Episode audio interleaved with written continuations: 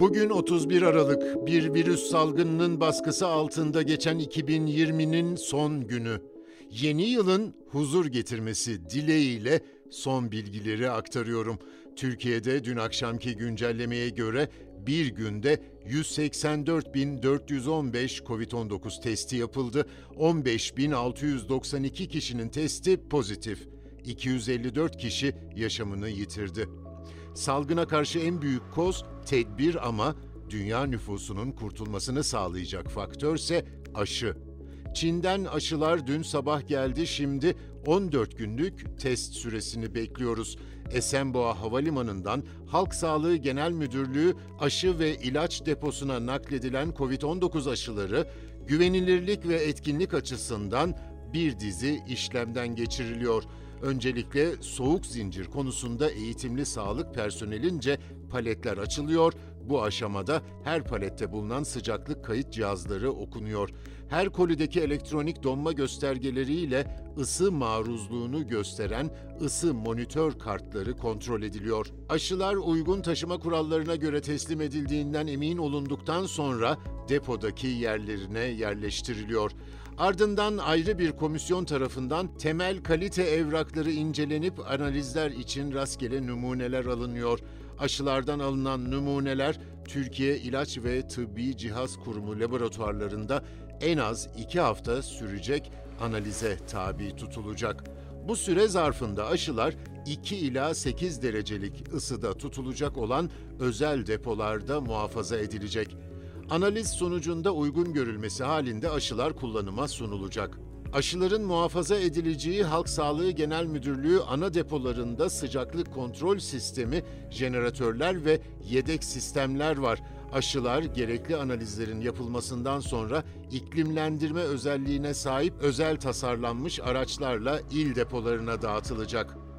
Sağlık Bakanı Fahrettin Koca aşılama takvimine ilişkin şunları kaydetti.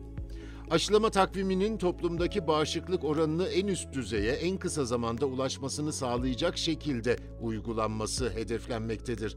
Bu nedenle oluşturulan risk sıralamasına göre vatandaşlarımızın aşılanmasının ülke çapında bir programla mümkün olan en kısa zamanda tamamlanması hedeflenmektedir. Aşı ile oluşturulan bağışıklık yanıtı ikinci doz uygulamasıyla daha da artmaktadır.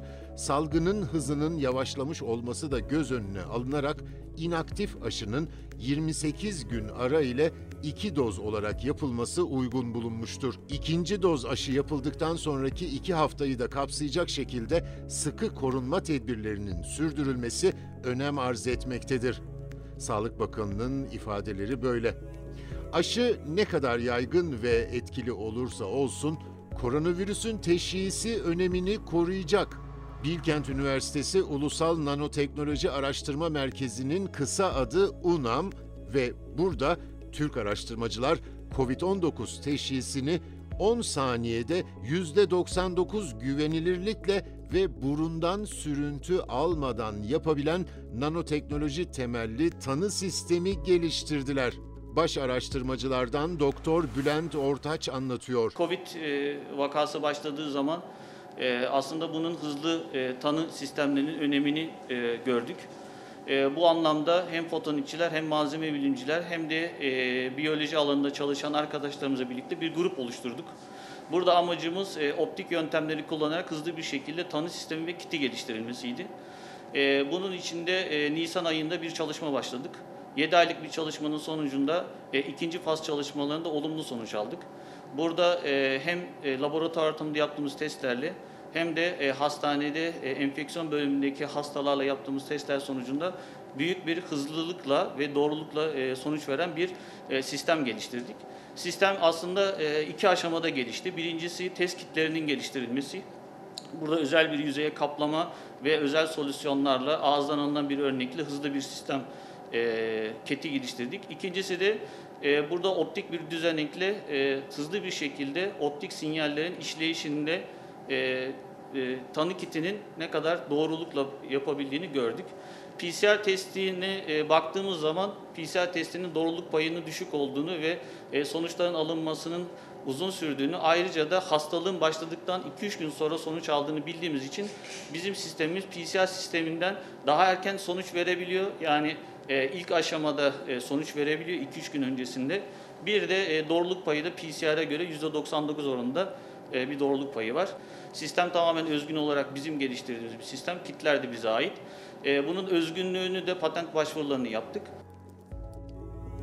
Dünyada bugüne dek Covid-19'a yakalananların sayısı 83 milyon 134 bini geçti.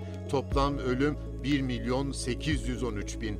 Koronavirüste son 24 saat yarın yok ama yarın dünyada ve Türkiye'de aşı konusunu Mahreç Dünya'da ele alacağız. Dinlemenizi tavsiye ederim. Pazartesi görüşmek üzere, hoşçakalın.